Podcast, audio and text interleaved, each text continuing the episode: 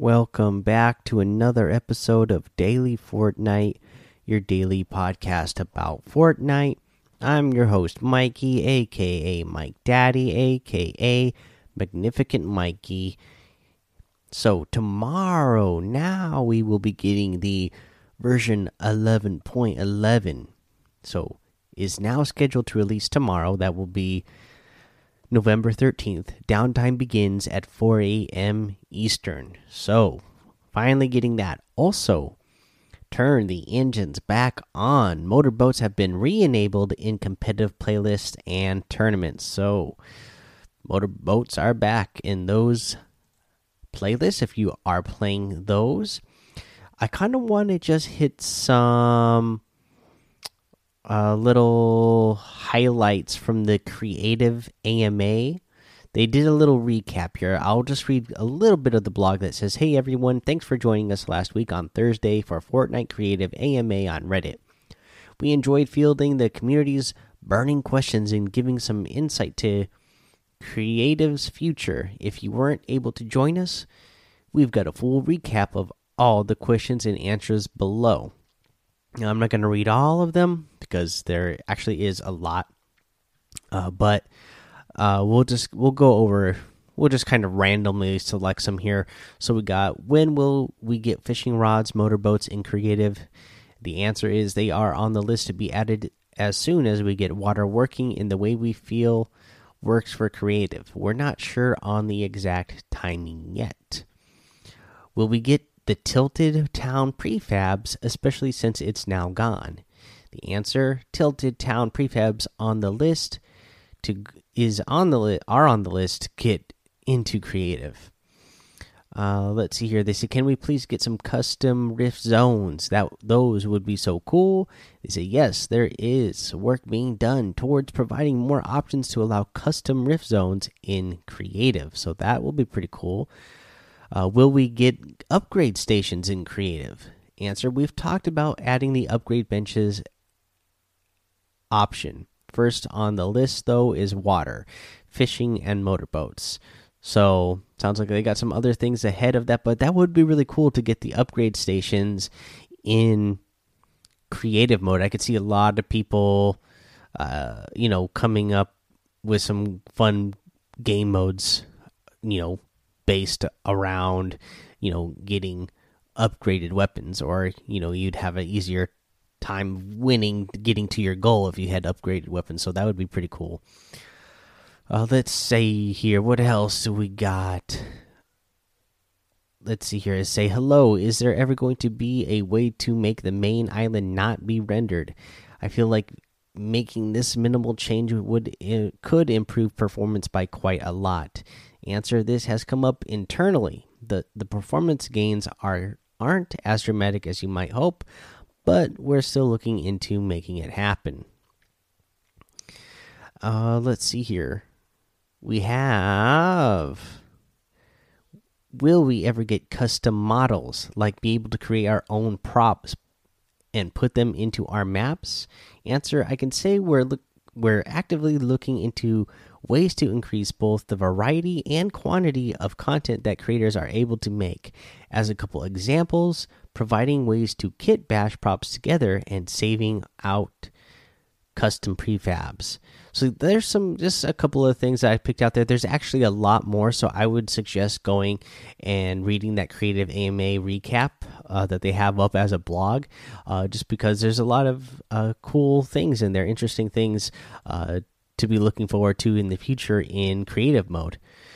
Let's see here. Let's go ahead and say that we have uh, for competitive, we are extending both the weekly platform cash cups and the weekly contender cash cups until December 19th. With this, we'll be adjusting prize pools for these events starting tomorrow, November 13th. You can view these updates navigating to the compete tab in game. So I haven't uh, looked at what the updated prize pool is for the cash cups now. Uh, now that they've extended them, but I think that's cool just in general that they are extending them just because it gives you know people more chances to you know get in some uh, tournament uh, gameplay. Now, let's see here. Let's go ahead and get to a weekly challenge tip. For this challenge, I will tell you where to search for the hidden end found in the low down loading screen. So, uh, you're going to go to one of the EGO outposts, actually, that you needed to go to for one of these week's challenges. You need to go to the one that is in, let's see here, B6.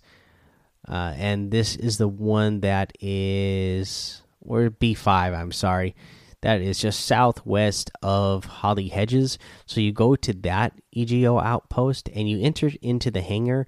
And if you're entering from where the you know main entrance is of the main building there you, when you look to the left hand side you'll see a set of stairs you'll go up those stairs and then there'll be like two water containers up there and the end is right uh right there so that is where you're to find that now let's take our short little break and then we'll come back and go over the item shop and our tip of the day